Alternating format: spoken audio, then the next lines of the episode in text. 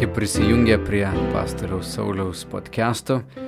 Šiandien pirmą kartą ir kalbėdamas įrašinėjau ir video, e, gal kai kurie iš jūsų norėsit pasižiūrėti, bet šiaip e, podcastus galite rasti ir Spotify'aus, ir e, podcast, Apple podcast platformose, ir Google Play. Žodžiu, galite surasti. Taip pat mano puslapyje sauliuskarosas.lt. Galite rasti ankstesnius visus įrašus. Ir e, šiandien aš įrašinėdamas ir tą video įrašinėjau taip pat ir podcastą e, arba tinklalaidę. E, keletą žodžių pasakysiu apie pastarąją savaitę. Štai mes prabuvom karantinę, daug kas izoliuoti, stebim pasaulio naujienas. Ir iš tiesų pradžioje toks buvo didelis, atrodo, noras pulti kažką daryti, reikėjo kažkaip gelbėti, kaimynams padėti, maistą vežti. Ir matau daug nerimo, tokį informacijos perkrovimą ir kažkaip reikėjo pačiam irgi atsitraukti truputėlį, susivokti, kad galbūt tai, ką mes dabar išgyvenam, tęsės dar ilgą laiką ir pasaulis galbūt bus truputį kitoks bet labiausiai norėjus taip suprasti, ką Dievas daro šiomis dienomis arba pažvelgti į pasaulį Dievo akimis, nes iš tiesų, kai ateina nevaldomi tokie procesai, nelaimės, katastrofos, uh, norisi pažvelgti per šventą raštą. Ir kiekvienas žmogus turbūt vėlgi kalbėdamas Dievo vardu, aš šiuo atveju esu pastorius, tai jūs turit žinoti ir mano kažkiek asmenybę ir filtrą. Kiekvienas pamokslininkas ir kiekviena bažnyčia turi savo ir charizmą, ir kažkokį pajutimą, ir mes per savo filtrą leidžiam. Tai aš nesu tas žmogus, kuris susikoncentruočiau į tokį skelbimą teismo, žmonės jūs eisite pragarą, atgailaukit kiek galim greičiau, atsiverskite, Dievas jūs dabar baudžia ir panašiai aš gal pats patyręs tokio dvasinio smurto praeitie esu kažkiek alergiškas tam ir pasitikiu Dievo veikimu žmoguje, kad Dievas jis yra visų pirma mylintis, geras, sukūrė šitą gražią planetą ir jis turi planą žmonijai ir mes esame to plano dalis. Jis padarė viską, kad mes patirtume jo meilę, kad galėtume mėgautis e, jo sukurtu pasauliu ir labiausiai santykiu su juo. Ir tikiu, kad Dievas švelniai traukia žmonės prie savęs, tačiau e, būtų klaidinga labai taip kalbėti švelniai e, apie šią situaciją ir sakyti, na nieko tokio, kai ar žmonės miršta, ar panika širdyse plinta, smurto daugėja ir šiandien kaip ir turbūt per kokį karą gali išlysti ir patys gražiausi žmonių veiksmai ir pasirodyti pačios bjauriausios žmonių savybės.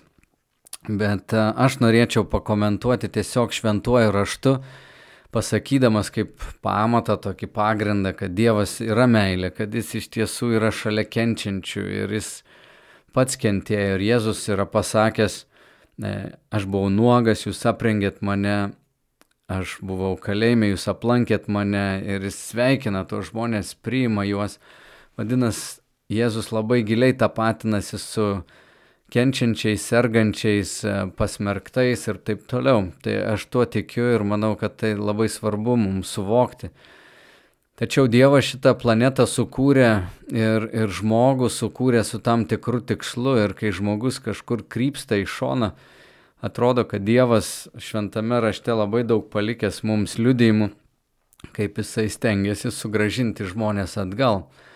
Tai tokia atrodo nepatogi tiesa iš Biblijos apie pandemijas ir nelaimės, ar Dievas gali būti šitų nelaimių autorius. Jokūbas rašo, kad visa, kas gera, ateina iš Dievo ir iš jo neteina pikta, neteina blogis, jis nėra blogio autorius ir negali gundyti žmonių bet auklyba akivaizdžiai egzistuoja šventame rašte. Ir aš norėčiau su jumis peržvelgti vat, keletą rašto vietų.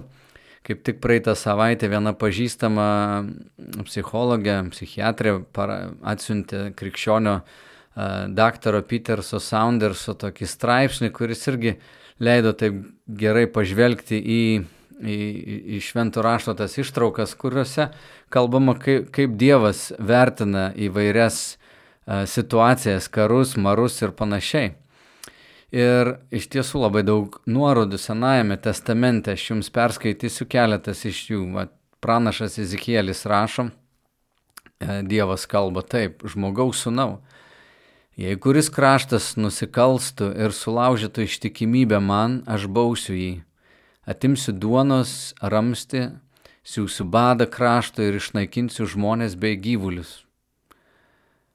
Tai va šitą ištrauką labai akivaizdžiai rodo, kad Dievas yra tas, kuris baudžia. Jis a, gali atimti duonos ramsti, siūsti badą kraštui, išnaikinti žmonės bei gyvulius.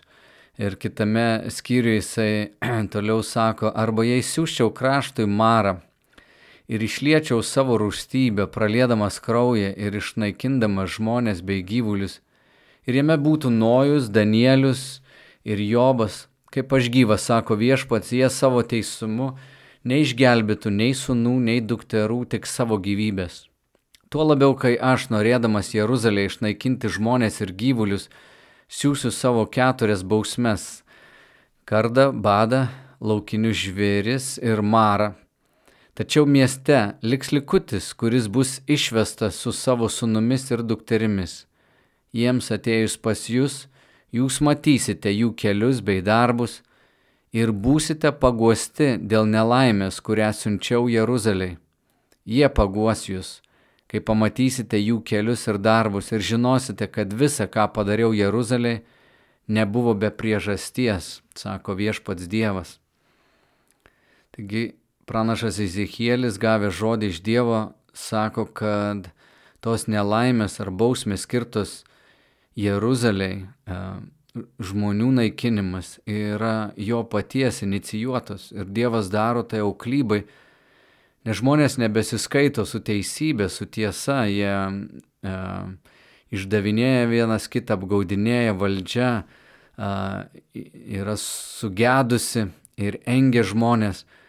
Ir Dievas sako galiausiai, kai jūs pamatysite, koks likutis liko ir kokie jie buvo dori ir geri, jūs būsit paguosti dėl nelaimės, kurią siunčiau Jeruzalei.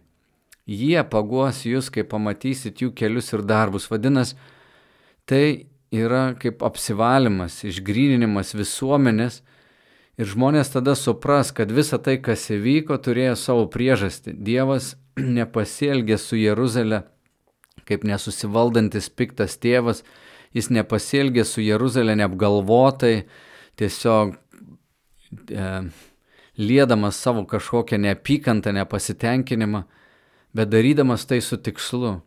Ir klausimas kyla, ar gali Dievas taip pasielgti ir su mūsų pasauliu, kuriame mes gyvename, ar gali Dievas savo kūrinyje taip susigražinti, um, siūsdamas mums išbandymus.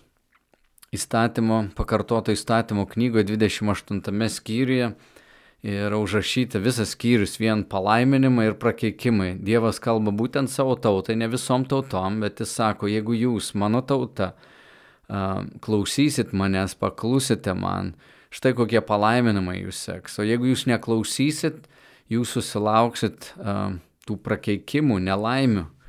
Ir ten visas sąrašas iš tikrųjų bauginančių dalykų. Ir Izraelis tai nešiojasi prieš save, jie žinojo įstatymą ir, ir saugojosi jo. Tai mes matome, kad Dievas savo tautą prižiūri, jis ją auklėja ir duoda labai aišku pasirinkimą tarp gero ir blogo, kokiu keliu jiems eiti. Ir, na, sunku būtų ginčytis ir sakyti, kad uh, Dievas neinicijuoja tų dalykų. Uh, Štai Amoso pranašystėje taip pat trečias skyrius šešta eilutė sako, argi įvyksta nelaimė mieste, viešpačių jos neleidus.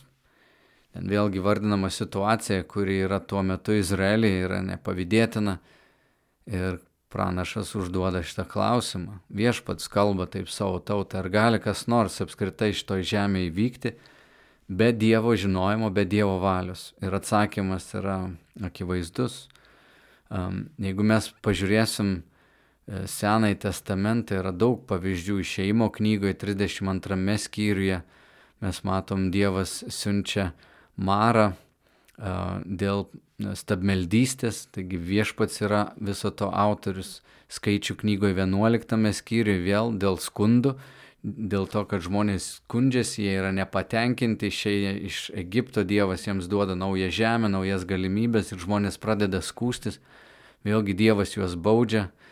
Skaičių 16 skyrius vėlgi dėl neklusnumo, ne valdžiai, dėl seksualinių nuodėmių skaičių 25 skyriuje. Mes skaitom, kad viešpats yra autorius arba siunčia tas nelaimės ir vienu atveju 14 tūkstančių, kitu atveju 24 tūkstančiai miršta. Antra Samuelio knyga 24 skyrius.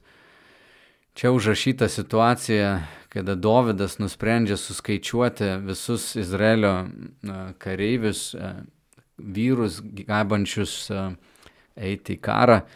Tai buvo vėlgi gundimas pasitikėti savo stiprybę, savo dešinę ir Dievas buvo uždraudęs Izraeliui ir ypač karaliams arba valdovams skaičiuoti tas pajėgas, kad jų pasitikėjimas būtų ne jų ekonominėje parengtyje, ne karinėje galioje, bet viešpatyje.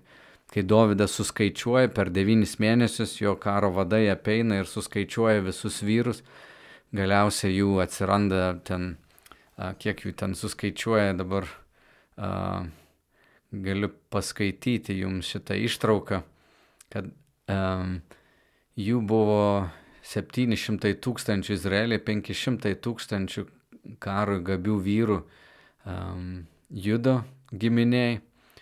Ir tada pas Dovydą ateina gadas, na, Dievo pranašas ir sako jam, Ar nori, kad septyni bado metai būtų tavo krašte, ar kad tris mėnesius turėtum bėgti nuo savo priešų, ar kad tris dienas maras siaustų krašte, dabar apsigalvok ir nuspręs, ką turiu atsakyti mane siuntusiam Dievui. Dovydas atsakė Gadui, patekau į didelę bėdą, bet geriau pakliūti į viešpaties rankas, nes jis gailestingas, negu pakliūti man į žmonių rankas.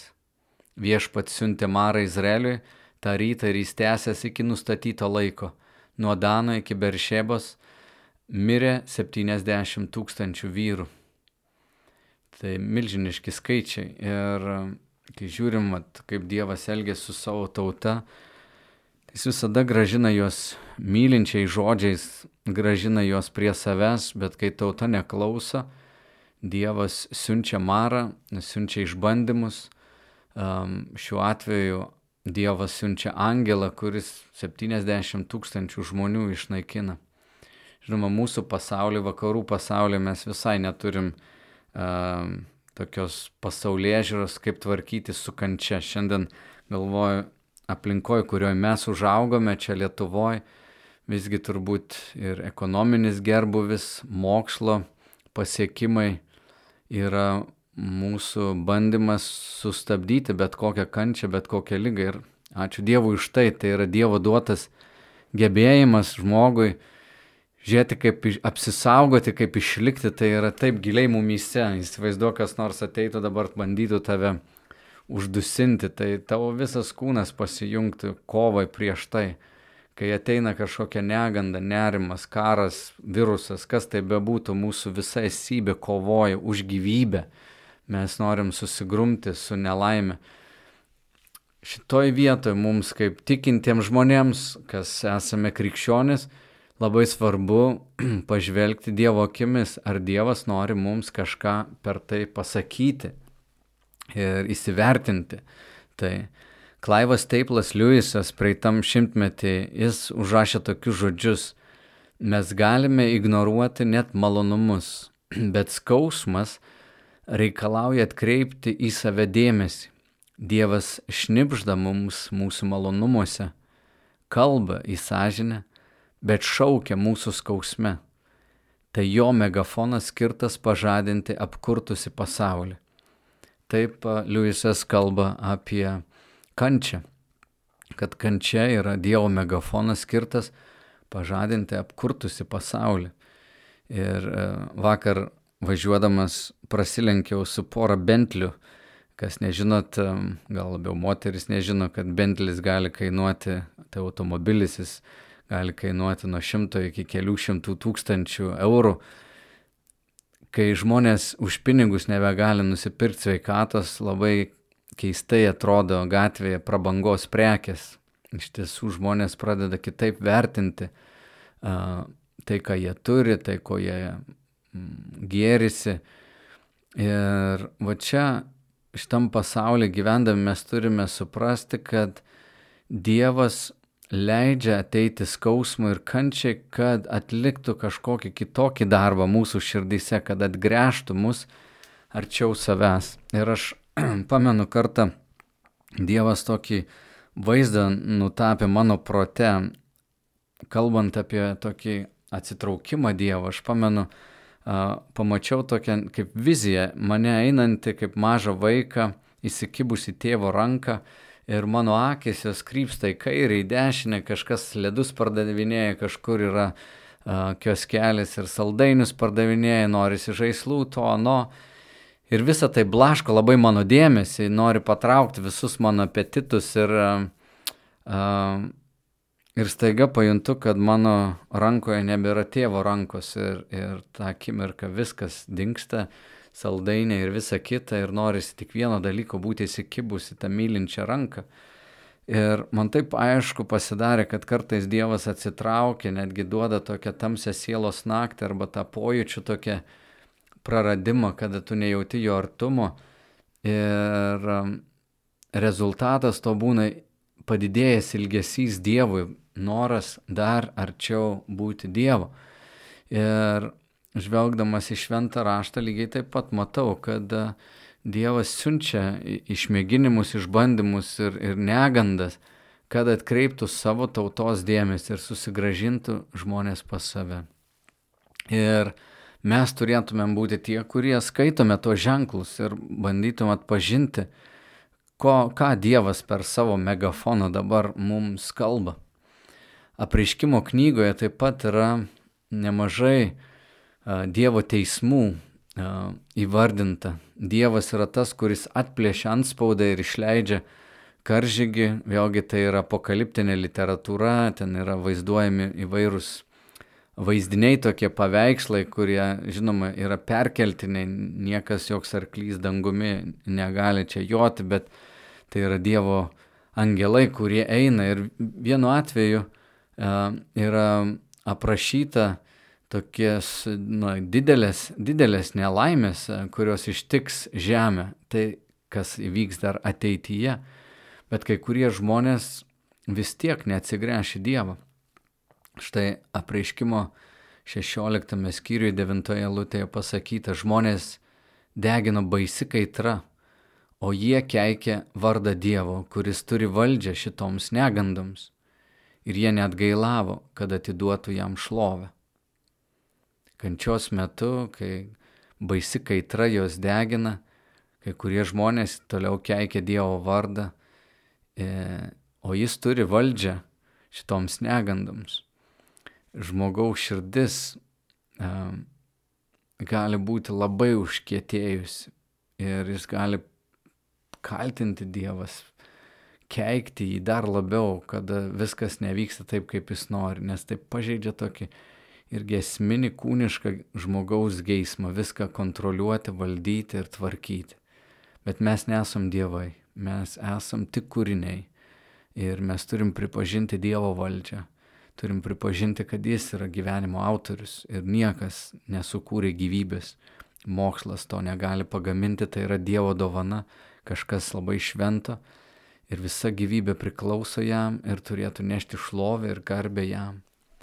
Taigi e, dar viena ištrauka iš apreiškimo knygos, 9 e, skyriaus 20 eilutė vėlgi pasakyta, bet likusieji žmonės, kurie nebuvo šitų piktenybių išžudyti, net gailavo dėl savo rankų darbų, kad negarbintų demonų ir auksinių, sidabrinių, žalvarinių, akmeninių ar medinių stabų, kurie negali nei matyti, nei girdėti, nei vaikščioti. Jie taip pat net gailavo dėl savo žmogžudyščių, žiniavimų, ištvirkavimų ir vagysčių. O čia teologiškai kalbant yra nedorybės paslaptis. Kodėl žmogus, kuris a, gali atsigręžti, mylinti tėvą, neatsigrėžia, kodėl jis žmogus renkasi toliau daryti piktą, kenkti kitiems, kenkti savo, daryti nuodėmę, tapti nuodėmės vergu ir toliau ištvirkauti, net kai Dievas siunčia tokias negandas. O čia didžiausia paslaptis. Ir manau, kad viso žmonijos istorijoje vyksta tas didysis testas, kame yra mūsų širdis. Ar mūsų širdis nusižemins, pripažins gerąjį Dievą ir priims jį, dėkos jam, nes Dievas siuntė savo viengimis sūnų, kad jis už mus kentėtų. Ir šiandien tie, kurie yra Dievo, kurie yra Dievo vaikai, kurie pripažįsta jį, pakviečia į savo gyvenimą, nebesulauks Dievo rūstybės ir jo teismo. Štai apaštalas Paulius laiškė korintiečiams, jis rašo, taigi jeigu kas yra Kristuje, Jėzuje, tas yra naujas kūrinys, kas sena praėjo, štai visa tapo nauja. O visa tai iš Dievo, kuris per Jėzų Kristų sutaikino mūsų savimi ir davė mums sutaikinimo tarnavimą. Taigi Dievas Kristuje sutaikino su savimi pasaulį, nebeįskaitydama žmonėms jų nusikaltimų ir davė mums sutaikinimo žodį. Taigi mes esame Kristaus pasiuntiniai, tarsi pats Dievas prašytų per mus. Kristaus vardu maldaujame, susitaikykite su Dievu, nes tą, kuris nepažino nuodėmės, jis padarė nuodėmę dėl mūsų, kad mes jame taptume Dievo teisumu. Tai yra geroji naujiena man, geroji naujiena tau. Jėzaus Kristaus mirtis ant kryžiaus ir buvo ta kaina, kurios reikėjo, kad Dievo teisingumas būtų patenkintas. Tas, kuris buvo be nuodėmės, mirė už visus mus, kurie esam pridarę nuodėmių ir nesvarbu, kokio ilgio, koks kieno, kieno sąrašas, mes visi nusidėjom, visi netobulai gyvenom, visa tai buvo ant kryžiaus užkelta tos nuodėmės. Jis yra tas, kuris ėmė mūsų nuodėmės, kad Dievas galėtų dabar mums išlieti savo palankumą, savo teisumą. Jonas Krikštytojas sakė, matydamas Jėzų ateinantį, sako, štai Dievo avinėlis, kuris naikina pasaulio nuodėmę.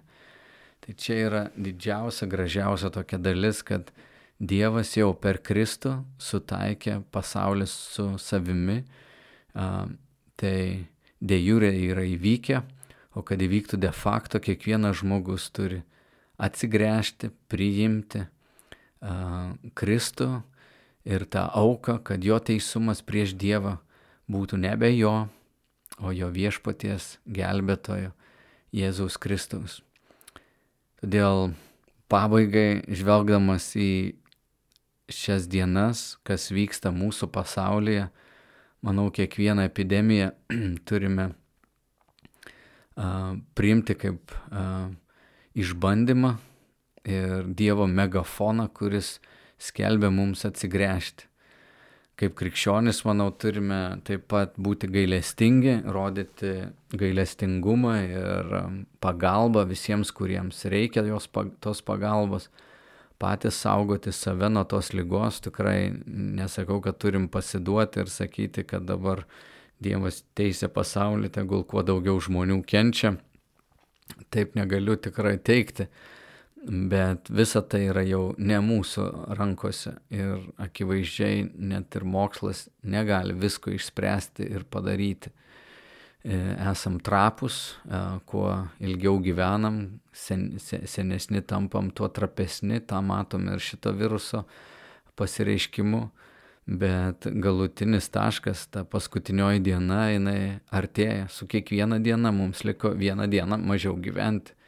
Ir šiandien, manau, galime kalbėti drąsiai su gailestingumu ir meilė visiems kreipkitės į mylintį tėvą, susitaikykit su juo prieš išeidami iš šio gyvenimo, nes e, mūsų kiekvieno pasaulio pabaiga irgi ateis e, vienokiu ar kitokiu būdu.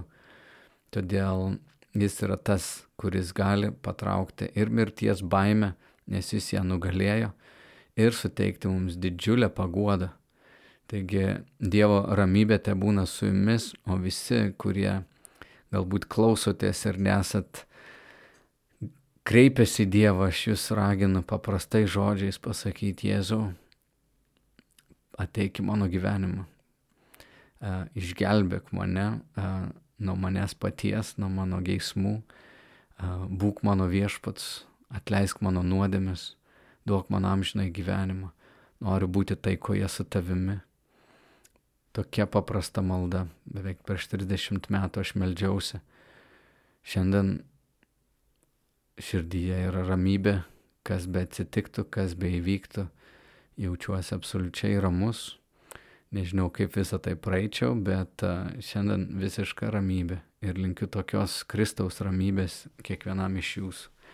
Ačiū, kad buvot, kad žiūrėjot, kas klausėtės arba norėtumėt klausytis ir kitus epizodus ar tas įrašytos tinklalaidės, tai eikite į puslapį sauliuskarosas.lt, pasižiūrėkit, gal rasit naudingų temų, paklausykit, prenumeruokit ir galim palaikyti ryšį taip kartu. Viso geriausio visiems. Iki.